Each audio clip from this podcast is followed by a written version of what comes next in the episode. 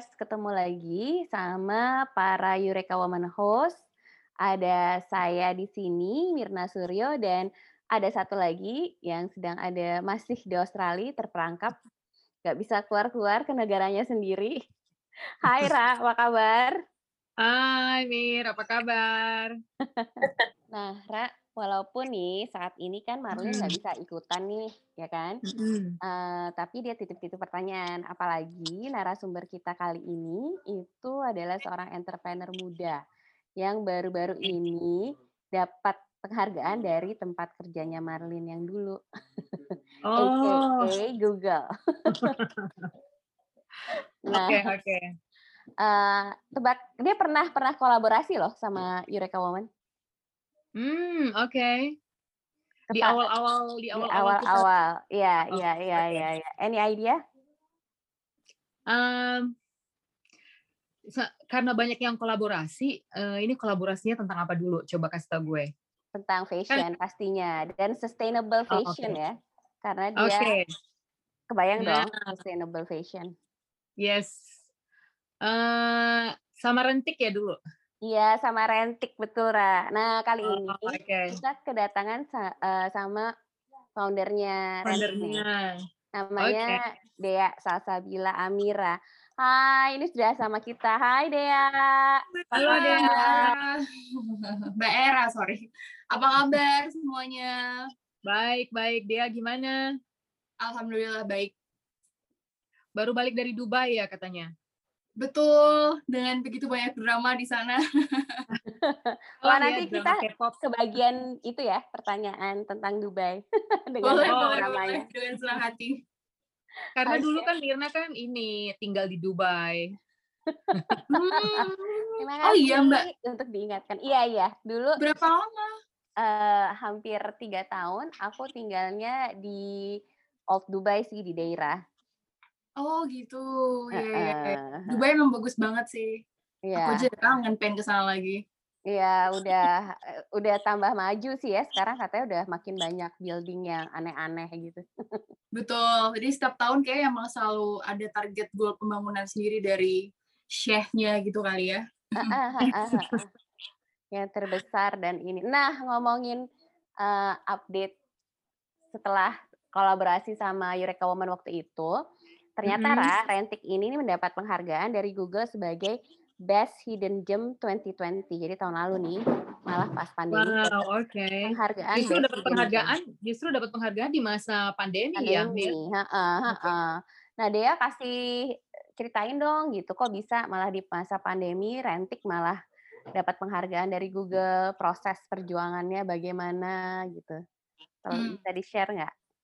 Boleh, tapi em, to be honest sebenarnya nggak ada gimana-gimana sih Mbak. Jadi ini tuh kalau misalkan kemarin award dari Google, itu sistemnya em, sebagai acknowledgement. Jadi kita di Rantik itu kami nggak pernah semacam isi form atau ikut eh, apa ya join kompetisi gitu untuk bisa mendapatkan award ini. Jadi purely Google melihat dari segi eh, berapa banyak sih user yang menggunakan aplikasi Rantik, berapa yang download setiap dari di tahun tersebut. Nah ternyata memang karena rental kan sedang lagi booming ya, Rentik juga merasakan uh, dampaknya gitu ya. Oleh karena itu tahun kemarin walaupun di tengah pandemi pun akhirnya uh, kami juga dapetin award gitu dari Google. Nah jadi Google tuh setiap tahun rilis award namanya Google Best.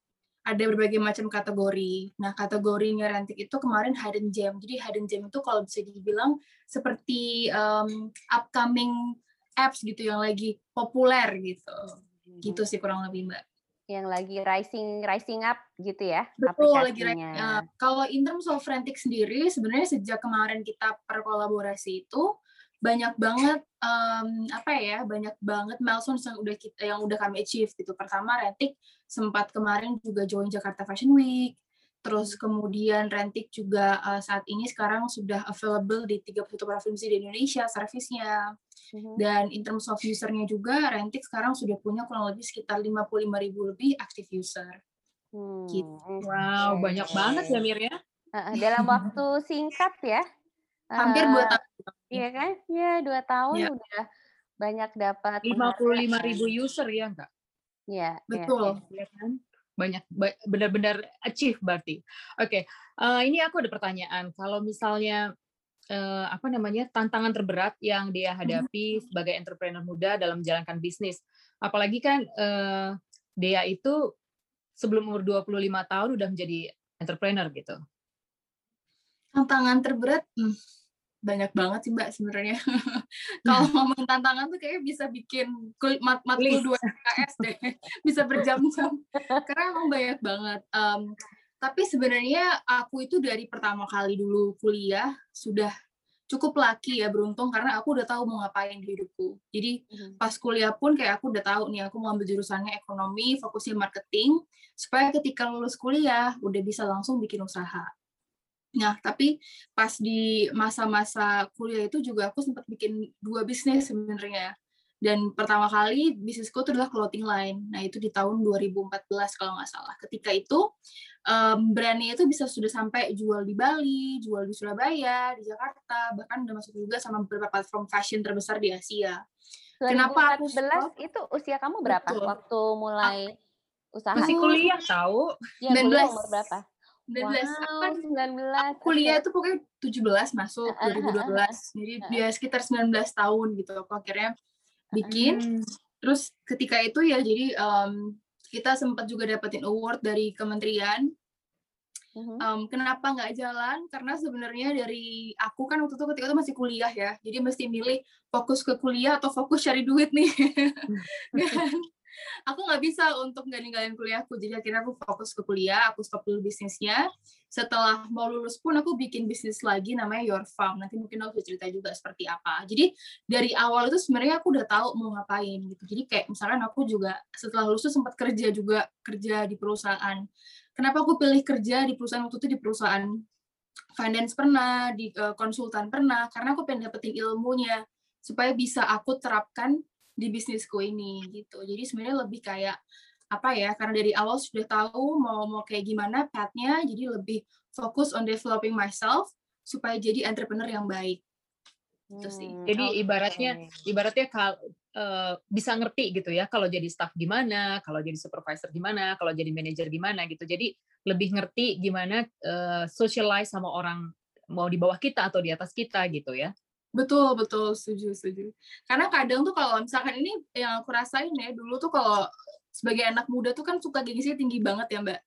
Sedangkan aku waktu itu sempat kerja um, bagiannya associate gitu, kayak literally aku masih ngurusin fotokopi dan segala macam. Kayak itu back then it was something that really hurts my ego gitu. Tapi oh, setelah okay. ini aku akhirnya paham gitu, itu sebenarnya bagian pembelajaran supaya kita juga akhirnya paham semua proses seperti apa gitu. Jadi nggak cuma tiba-tiba langsung dapetin jabatan yang wow, kita nggak ngerti bawahnya kayak gimana gitu. Itu sih. Okay. Ibaratnya ini uh, jadi lebih tahu asam garam kehidupan. setuju, setuju, betul, betul. Nah, uh, yang menarik itu uh, selama dua tahun ini Rensik tadi kan dapat uh, penghargaan, terus cepat banget ya ekspansinya gitu. Sedangkan uh, tahun 2020 ini kan masa pandemi ya. Nah, ya. sempat nggak sih berpengaruh secara signifikan ke bisnis rentik maupun tadi kan dirimu juga mendirikan apa your farm ya. Nah, hmm. itu ada dampak signifikannya nggak? Hmm. Kalau di rentik sendiri sebenarnya awal-awal itu berasa banget. Jadi pas uh, bulan pertama sampai ketiga, mungkin Maret sampai Mei sampai Juni tahun lalu itu signifikan banget revenue-nya drop. Hmm. Tapi setelah itu udah mulai pick up lagi order. Nah, uh, sebenarnya yang aku rasain itu sekarang karena kita udah terbiasa sama the whole thing about pandemic, kita jadi belajar kayak live with less gitu loh, Mbak. Nah, dengan live with less ini otomatis jadi buat orang itu berbeda gitu perspektifnya. Mereka udah mulai mikir tentang kalau beli item itu mesti mikir dua kali nih, apakah akan digunakan dalam waktu yang lama atau enggak same thing with fashion gitu. Ketika orang mau committed untuk beli uh, suatu barang mereka harus make sure ini akan digunakan untuk waktu yang cukup lama. Kalau enggak kenapa enggak sewa aja? Satu dari segi space bisa apa ya bisa bikin space jadi smaller. Kedua opsi untuk mereka bisa cobain semua jenis fashion item cobain beberapa jenis style. Yang ketiga tadi uh, dengan kita menyewa itu sebenarnya juga membantu untuk lingkungan juga gitu. Jadi yang aku rasain sih ada perubahan, ada shifting behavior dari para users ini. Um, kalau misalkan ngomongin occasion-occasion yang bisa didatangin itu kan kalau sebelum pandemi mungkin lebih ke datang ke pernikahan teman gitu-gitu ya. Sekarang occasionnya lebih yang intimate, jadi misalkan mereka ada pre-wedding, maternity shoot, datang ke pernikahan teman tapi mungkin yang lebih um, lebih dekat gitu ya, yang memang cuma mungkin ada 20 orang, 30 orang, lebih seperti itu. Oh, shifting ini, behavior ya, berarti. Ya, ini uh, ya. sebenarnya ya, waktu waktu dulu uh, lu bilang tentang kita kolaborasi gitu, Mir. Uh-huh. Gue jadi ingat ada film kan uh, apa namanya Six uh, no Sex in the City ya, yang yeah. Yang uh-huh. ada ada satu cewek yang suka ngerent ngerent gitu, ngerent tas. Betul, gitu. betul, betul, betul, betul. Oh, iya, iya, Asistennya kali. Iya, iya, iya. Iya, iya. iya. gue dibilangin sama Mirna, oh kita kolaborasi nih rentik terus gue tanya rentik tuh apaan sih? Yang kayak gini-gini terus gue pikir ih ini kayak yang jadi waktu nonton film itu gue pikir gini, ih gila ya, it is a great idea. Ternyata di Amrik tuh ada ya kayak gini. Jadi kita nggak kan mau tas, maksudnya tas ini itu gitu, mau terserah ini itu nggak harus punya ya kan, tapi tetap hmm. eye catching gitu. Ternyata pas dibilang sama Mirna, oh di, di kita kolaborasi sama Rentik nih untuk cloud sama uh, segala macam, terus bilang gini, oh idenya kayak yang di itu ya gitu. Benar, benar. Jadi sama, jadi sama era cocok dia, soalnya dia uh, soalnya era backgroundnya finance ya, jadi yeah. cocok. jadi eh, itu itu benar loh, itu irit jadinya kan, tapi tetap fashion, yeah, tetap beraya, ya kan? Betul, lebih betul. irit daripada beli sendiri maksudnya. Iya lebih ekonomis mbak, setuju banget.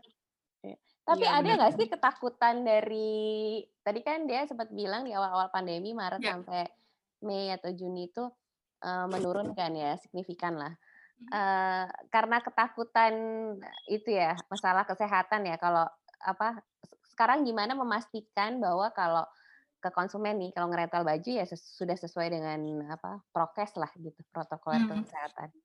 Uh, jadi sebenarnya kalau kenapa mereka jadi jarang nyewa itu sebenarnya bukan karena masalah itu lebih karena emang gak ada occasion kan ketika pandemi oh, awal iya. itu juga orang-orang itu pada stay di rumah. Kan kita lagi paru-parunya nih beli masker sampai berapa puluh juta tuh kan kemarin ada case-nya ya, ya, terus ya, ya. segitu nyetok makanan. Jadi budgetnya yang tadinya untuk shopping itu dialihkan untuk uh, beli barang-barang household gitu ya. Ya. Tapi kalau mengenai tadi kesehatan sendiri di awal rentik uh, ada pandemi sebenarnya sebelum masuk ke Indonesia Februari itu uh, kami sudah rilis semacam info bagaimana caranya tim itu membersihkan pakaian. Jadi dari mulai hulu hingga hilir, terus kita publish juga ke sosial media, ke website, segala macam. Tujuannya supaya customer juga reassure gitu bahwasannya semua item yang ada di Dantik itu sudah dibersihkan dengan baik sesuai dengan prokes. Ditambah juga uh, partnernya Rentik untuk laundry itu mereka sudah mengantongi sertifikasi EnviroClean. Artinya apa? Tidak ada harm untuk environment dan juga untuk user yang menggunakan. Gitu. Oh gitu. Jadi hmm. uh, apa namanya rekan kerja untuk laundrynya juga yang bersertifikat gitu ya tentang Betul. apa namanya higienik dan sebagainya. Uh, terus ini aku ada pertanyaan juga nih. Uh, tadi kan dia sempat uh, menyinggung tentang your Fa your farm coffee ya. Yeah. Uh, itu platform online yang menghubungkan petani sayuran organik dengan konsumen. Itu di, bisa diceritain nggak dia gimana? Ceritanya? Hmm, ya jadi Your Farm itu bisnisku kedua. Um, tadi yang sempat aku ceritain aku punya dua bisnis sebelum lulus ya. Kuliah gitu ya sebelum lulus.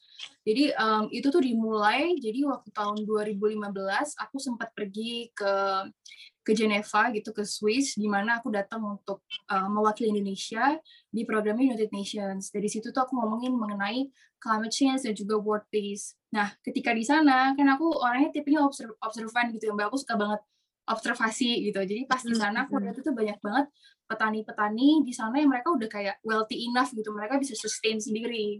Aku mikir nih, di kita tuh kan katanya negara agraris, banyak banget petaninya, tapi kok nggak ada satupun yang berhasil gitu. Cuman mungkin segelintir aja nih orang-orang yang berhasil. Jadi akhirnya aku kayak pas balik ke Indo, aku brainstorm, aku akhirnya bikin platform namanya Your Farm. Awalnya itu adalah inisiasinya sebagai platform untuk menjebatani petani organik dengan konsumen. Tapi karena waktu itu masih kecil banget ya skillnya, kita nggak bisa keep up sama demand, dan nggak bisa keep up sama bagaimana caranya untuk bisa handle itemnya organik ini. Karena kan ini perishable ya Mbak, jadi kan cepat banget busuknya tuh. Yeah, jadi yeah. akhirnya kita pivot ke uh, kopi. Nah, jadi mulai kopi itu sebenarnya Irfan mulai sebelum orang-orang pada sekarang minum kopi susu nih.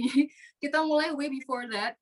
Um, nah, apa yang kita lakuin? Kita ngebantu petaninya dari A sampai Z. Dari mulai petaninya tuh menjual biji kopinya, mm-hmm. sampai kemudian mengelola uh, si biji kopi itu untuk bisa digunakan oleh dikonsumsi oleh konsumen. Karena selama ini tuh kalau petani kopi, mereka hanya bergantung sama biji kopi dijual setiap tahun. Padahal kan kalau misalnya kita tahu um, apa ya harvesting seasonnya kan cuma dua kali nih mbak kopi dan Betul. banyak banget chance-nya mereka tuh gagal panen gitu. Kalau mm -hmm. misalkan gagal panen, otomatis kan nggak ada income lagi nih.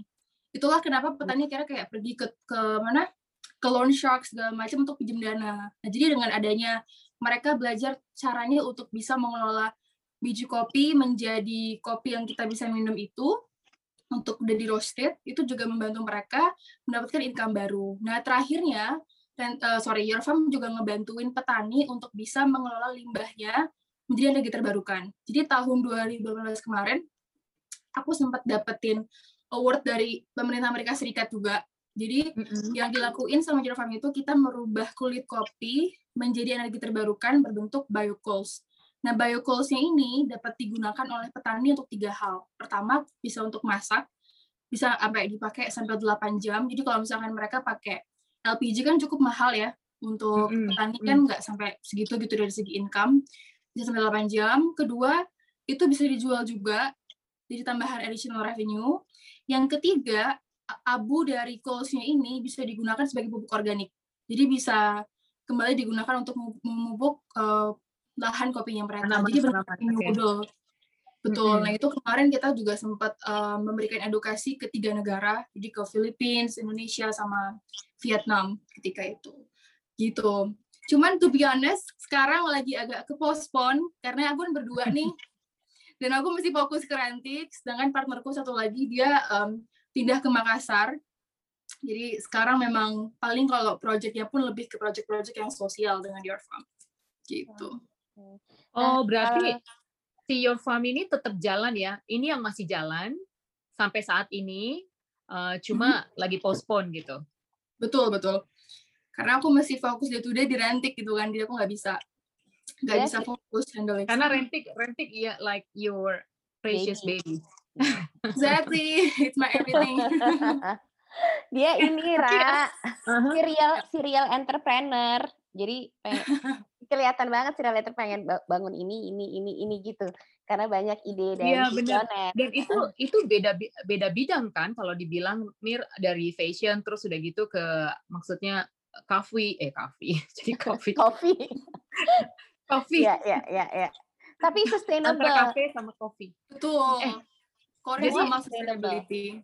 Mm-hmm. Ini ini ter, uh, menarik loh soal yang uh, biji no bukan biji kulit kopi di yeah. Australia uh, aku lupa ya di bagian mana gitu itu dijadiin teh loh jadi tea dari biji no, bisa bisa mbak iya dari, dari kulit kopi kulit kopi iya lucu namanya ya? kaskaras cuman di Apa? sini uh, namanya kaskaras Oh. Tapi di Indonesia itu belum ngetren ya. Sebenarnya kalau in terms of kayak health benefit itu banyak, tapi belum ada yang yeah. mengenai ini gitu. Jadi kalau misalkan sekarang mungkin ada yang pengen riset mengenai kaskara sebenarnya bagus supaya orang juga tahu mereka nggak harus minum teh itu dari bunga-bunga dari kulit kopi dari daun uh, antioksidannya gitu.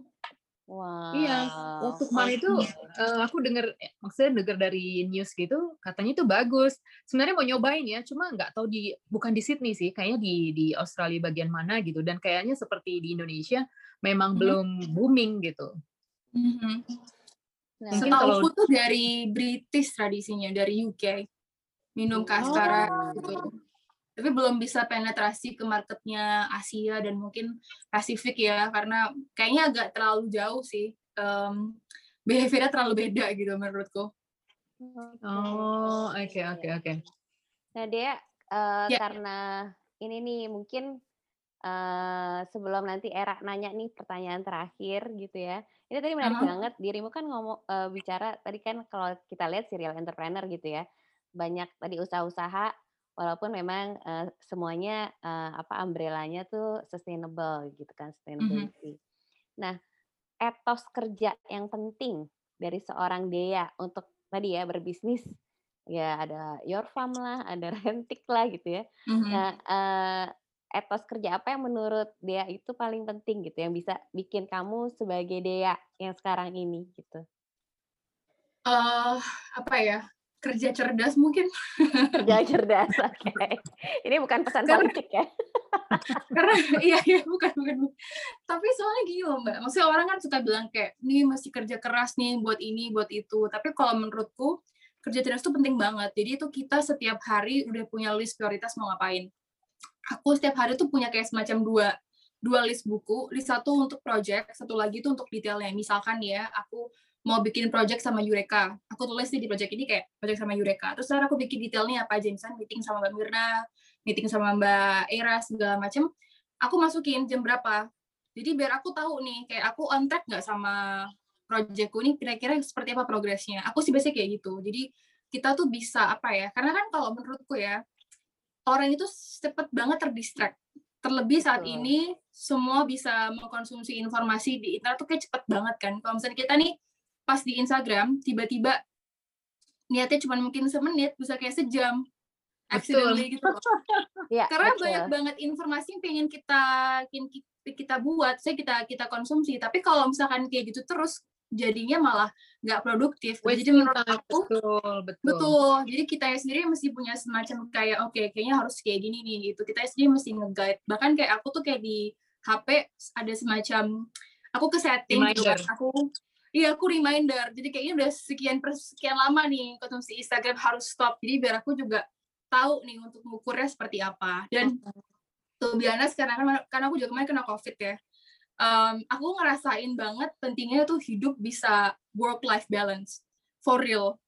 Jadi kalau selama ini mungkin uh, anak-anak yang mungkin masih sosial aku gini, millennials kan kita semua bener-bener cinta banget sama pekerjaan gitu ya, terlalu bukan terlalu sih, cuman mungkin benar-benar very passionate gitu. Kita suka lupa yang esensinya itu adalah sebenarnya kedua hal, profesional sama personal. Waktu sama keluarga, waktu sama Tuhan, sama our love itu penting banget sih untuk bisa dicapai. Itu kalau menurut aku. Oke, jadi hidup harus Jadi disiplin juga tuh penting ya, Mir. Iya, seimbang hmm. tadi bikin boundaries tadi kan work life balance gitu. Jangan hmm. kerja mulu. Jangan kelamaan berjemur di pantai, lupa kerjaan di rumah jangan terlalu banyak kerja juga lupa anak belum makan ya kan itu kehidupan kita betul, berdua betul, ya betul ya terima kasih sudah di remind Nara ada pertanyaan terakhir ya nih sebelum okay. kita bye bye bye bye sebenarnya banyak banget nih ya yang menarik dari yang iya yang mau ditanya ya. waktunya yang terbatas oke okay. ini uh, pertanyaan terakhir dari aku deh ya uh, dengan latar belakang dia yang pernah menjadi seorang model dan juga diplomat muda uh, itu membantu nggak sih pengembangan bisnis dia selama ini Aku tuh sering banget dapat pertanyaan kayak gini waktu masih kuliah. Uh, mm-hmm. Kok anak ekonomi ngurusin hal-hal yang berhubungan sama IR (International Relations)? Aku bilang ada irisannya. Karena sebenarnya relate ya mbak ya. Kan kalau misalkan kita tuh aku di marketing kan selalu diajarin kayak gimana cara untuk bisa selling produk, untuk bisa bisa convince people tentang idenya kita. Sama kayak sama juga kayak diplomasi gitu. Kita harus bisa convince tentang policy yang kita buat, tentang gagasan yang kita punya. Jadi sebenarnya sama aja irisannya gitu, cuman beda platformnya. Satu mungkin lebih ke social service, satu lagi lebih fokusnya ke profit as a business. Jadi menurut aku ada ada ada banyak banget benefitnya ke aku uh, pembelajaran yang aku dapetin dari dunia diplomasi, dari dunia bisnis yang waktu aku masih kuliah. Semuanya berguna banget untuk aku sekarang supaya bisa apa ya ngebangun aku untuk bisa lebih confidence lagi ngobrol sama orang, public speaking hmm. lebih bagus lagi dan ya tentunya bisa percaya diri ya karena itu kayak paling penting sih kadang kita tuh kayak mungkin Betul. punya banyak banyak banget informasi banyak banget ilmu cuman suka bingung menyampaikannya seperti apa gitu okay. karena mungkin nggak confident atau apa jadi through my experience aku belajar itu semua sih jadi bisa lebih konkret lagi gitu sekarang. Hmm, Oke, okay. oh, thank okay. you Dea udah share Mm-mm. nih. Iya sama. Iya. Tadi kan. Andai kata, andai kata banyak anak-anak Indonesia, kok anak-anak ya kayaknya kita udah tua banget. Maksudnya, andai kata banyak generasi-generasi uh, muda sekarang tuh seperti Dea ya. Gimana pasti Indonesia bakal maju banget loh menurut gue. Iya, karena akan akan makin banyak startup, ya kan? Terus roda mm-hmm. Terus yang yang maksudnya orang. ya udah tahu, yang udah tahu kayak gini, tahu uh, mau mau melakukan apa, mau bisnis apa, memposisikan diri gimana, jadi bisa tetap maju gitu, ya kan? Ya, betul. Karena jadi nggak cuma nggak cuma mimpi tapi nggak disiplin, ya kan? Iya, iya. Nggak kelamaan galau ya. itu elu. itu jangan dibuka dong Mas ya. Oh iya, ya oke. Okay. Thank you banget ya Dea udah Thank you banget Mbak Narasumber Eureka Woman. Semoga Eureka Woman Ladies yang nonton Dea uh, di episode kali ini terutama yang muda-muda nih jadi terinspirasi juga bisa jadi seorang entrepreneur muda ya gitu dan uh, membantu menggerakkan roda perekonomian gitu dan tahu apa yang dia mau tuju gitu intinya. Betul betul. Oke okay. thank you Dea atas waktunya. thank you jaga kesehatan. Iya. Kamu juga stay healthy. Oke. Okay. bye bye bye, bye.